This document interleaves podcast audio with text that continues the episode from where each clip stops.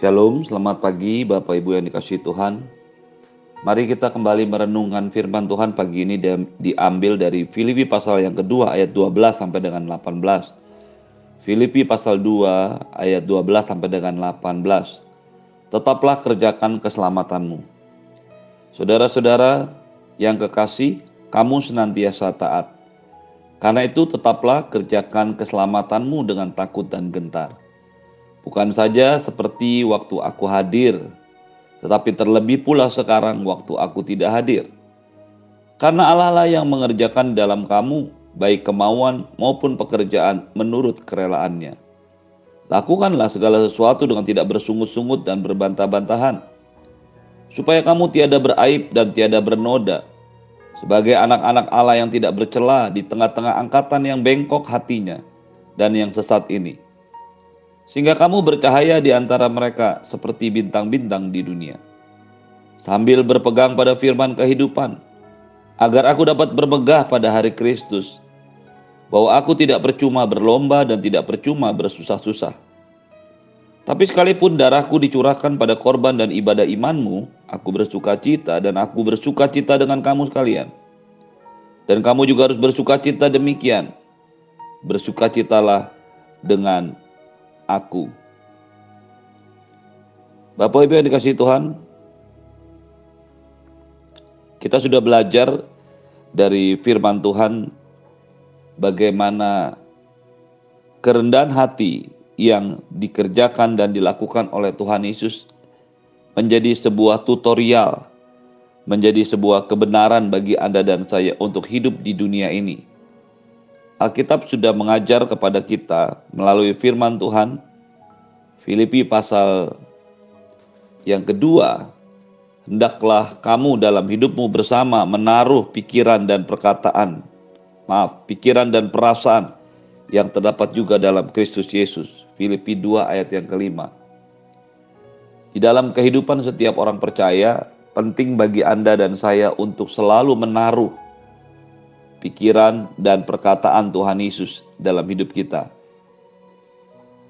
Kata menaruh itu memberikan sebuah pengertian. Kita harus mengerti dengan jelas, menguasai dengan sepenuhnya pikiran dan perasaan kita.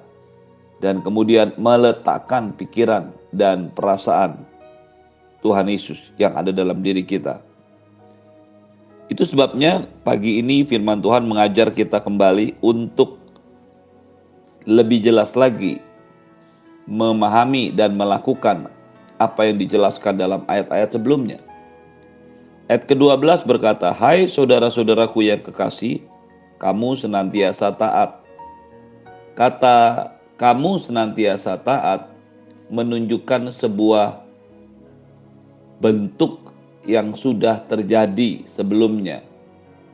Kata ini merupakan sebuah kata yang menggambarkan keadaan atau peristiwa atau kegiatan yang sudah dilakukan sebelumnya. Kamu senantiasa taat. Kamu telah selalu patuh. Terjemahan lain mengatakan demikian. Ketaatan yang merupakan bagian atau buah dari keselamatan adalah sebuah hal yang harus menjadi ciri kehidupan setiap orang percaya. Kamu yang senantiasa taat, kamu yang sudah selalu patuh. Ketaatan Kristus seperti yang ditunjukkan dalam ayat ke-8 sampai dengan ke-11 menjadi contoh tutorial bagi jemaat di Filipi pada waktu itu. Ketaatan Yesus yang terus merendahkan diri, mengosongkan diri, bahkan melewati tujuh tahapan kerendahan hati menjadi sebuah contoh hidup tutorial bagi jemaat di Filipi dan juga tentunya bagi Anda dan saya. Ketaatan ini menjadi sebuah kebenaran yang sangat luar biasa bagi kehidupan orang percaya. Untuk tidak salah mengerti, kita diselamatkan hanya oleh karena kasih karunia dan anugerah daripada Tuhan. Tidak ada usaha sedikit pun yang membuat Anda dan saya bisa dan menjadi selamat. Kasih karunia anugerah Tuhan Yesuslah yang mengerjakan, yang menjadikan Anda dan saya menerima keselamatan, lahir baru, dan memiliki hidup yang kekal kembali. Tetapi ketika Anda dan saya sudah selamat, percaya, bertobat dan menerima Yesus sebagai Tuhan dan juru selamat pribadi, setiap kita haruslah tetap senantiasa taat. Ini menunjukkan ketaatan kepada Tuhan, kepada firman, maupun kepada apa yang pribadi yang ditetapkan Tuhan dalam hidup kita sebagai gembala, sebagai pengajar firman Tuhan. Kekristenan adalah satu proses yang melibatkan pertobatan di awal dengan iman kepada Yesus, tetapi ketaatan, pelayanan, dan ketekunan. Ketika Anda dan saya diselamatkan, tentunya kita tidak melakukan apa pun karena kasih karunia Tuhan. Tetapi setelah Anda dan saya diselamatkan, Anda dan saya harus melakukan segala sesuatu untuk memastikan keselamatan yang Anda dan saya pegang itu tetap menjadi milik kita. Itu menjadi sebuah paralel kebenaran yang dituliskan diajarkan oleh Tuhan Yesus dalam Lukas 6 ayat 46. Mengapa kamu berseru kepadaku Tuhan Tuhan padahal kamu tidak melakukan apa yang aku katakan.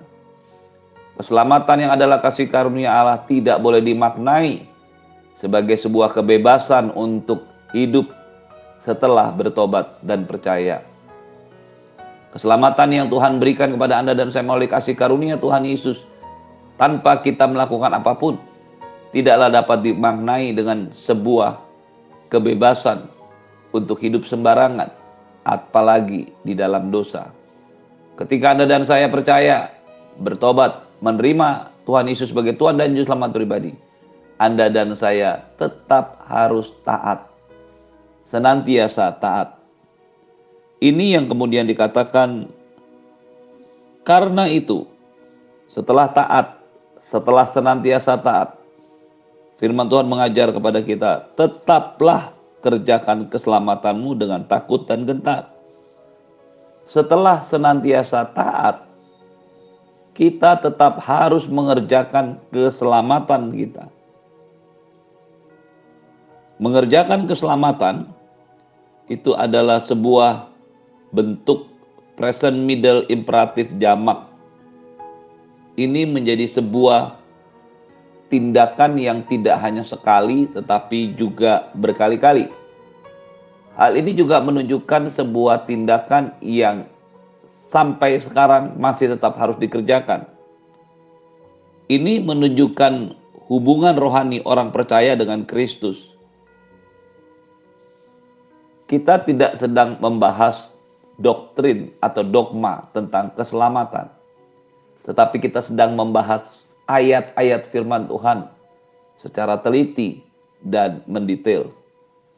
Ayat yang mengatakan, tetaplah kerjakan keselamatanmu dengan takut dan gentar, menunjukkan bahwa untuk tetap selamat, Anda dan saya harus memastikan dan melakukan sesuatu. Sekali lagi, jangan salah mengerti, untuk bisa selamat, anda dan saya tidak perlu melakukan apa pun karena semuanya adalah kasih karunia dan anugerah Tuhan. Tetapi untuk tetap selamat, Anda dan saya harus mengerjakan keselamatan kita. Ini menjadi sebuah kebenaran yang sangat luar biasa walaupun sederhana.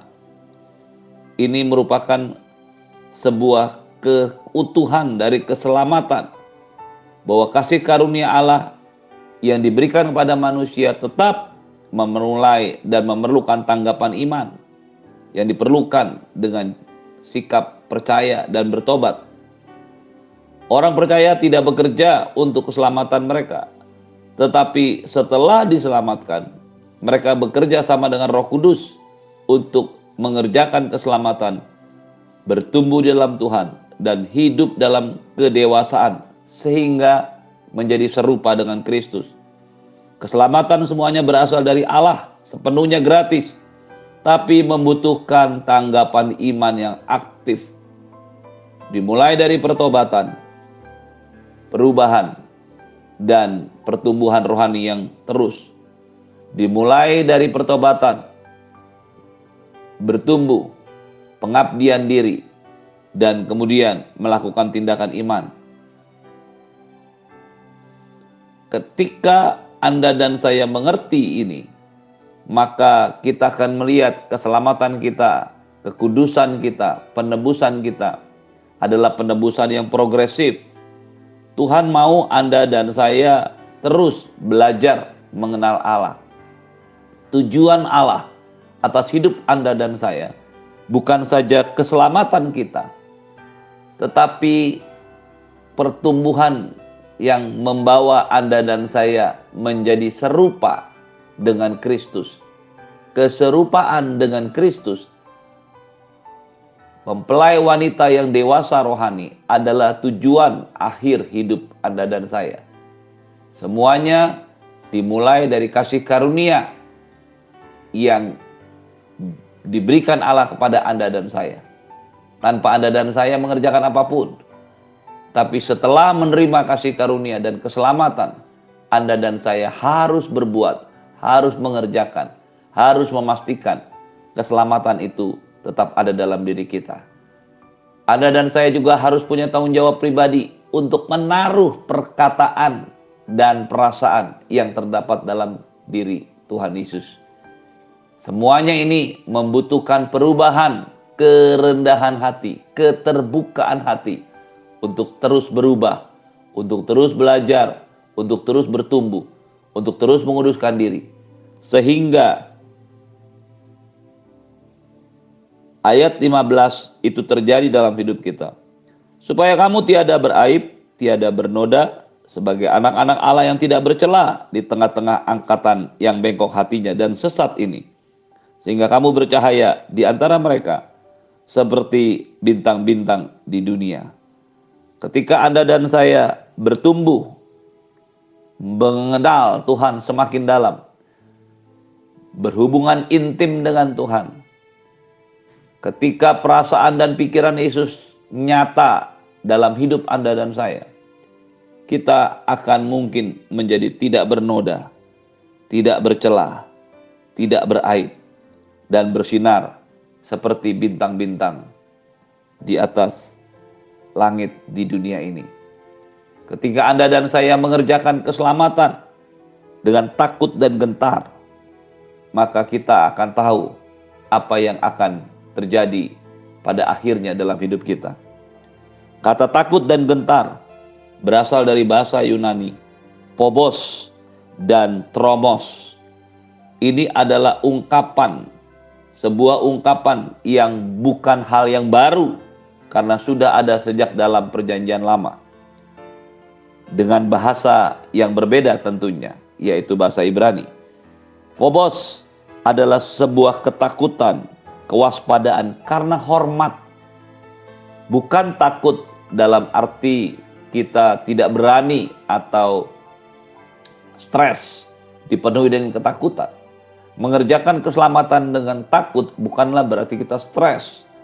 Mengerjakan keselamatan dengan takut lebih didasari oleh sikap hati yang menghormati, menghargai kasih karunia, keselamatan, kehidupan Yesus yang ada dalam hidup Anda dan saya. Ini sudah ada sejak di dalam perjanjian lama. Pemasmur berkata, beribadalah kepada Tuhan dengan takut dan ciumlah kakinya dengan gemetar. Badanku gemetar karena ketakutan terhadap engkau. Aku takut kepada penghukumanmu. Apakah ini sebuah prinsip yang salah yang hanya berlaku di dalam perjanjian lama sebelum Yesus hadir sebagai manusia dan menebus dosa kita? Tentu saja ayat ini berlaku sampai sekarang. Ayat ini tidak hanya berlaku sampai kedatangan Yesus, tapi ayat ini adalah ayat yang berlaku sampai kita bertemu dengan Tuhan kembali. Mazmur 2 ayat 11, Mazmur 119 ayat dan 120 tadi menyatakan sebuah sikap hati yang menghormati Tuhan lebih daripada apa pun, menghargai Tuhan lebih daripada apa pun, Jangan karena kasih karunia-Nya kita menjadi kurang menghormati Tuhan, kurang takut kepada Tuhan. Kata tromos berasal dari bahasa Yunani, kata gentar berasal dari bahasa Yunani tromos yang artinya hagentar, berharap, sering digambarkan sebagai suatu sikap ketidakpercayaan akan kemampuan diri, sehingga akhirnya mengandalkan Tuhan. Ketika dua sikap ini ada dalam hidup Anda dan saya, setelah kita diselamatkan, maka kita akan terus menghormati Tuhan, menghargai Tuhan, takut kepada Tuhan. Bukan ketakutan akan penghukuman, tapi lebih daripada penghormatan kepada Allah. Karena itu Bapak Ibu yang dikasih Tuhan, ketakutan inilah yang membawa kita bergantung penuh kepada Tuhan. Sehingga mengandalkan Tuhan. Ingat, Allah lah yang mengerjakan di dalam diri kita menurut kerelaannya. Tetapi Anda dan saya harus mengikuti apa yang Allah kerjakan, inginkan dalam hidup kita. Tetaplah kerjakan keselamatanmu dengan takut dan gentar. Terimalah berkat yang berlimpah dari Bapa di surga cinta kasih dari Tuhan Yesus penyertaan yang sempurna daripada Roh Kudus menyertai hidupmu hari ini dan sampai selama-lamanya. Di dalam nama Tuhan Yesus semua yang percaya katakan amin. Shalom selamat pagi Tuhan Yesus memberkati.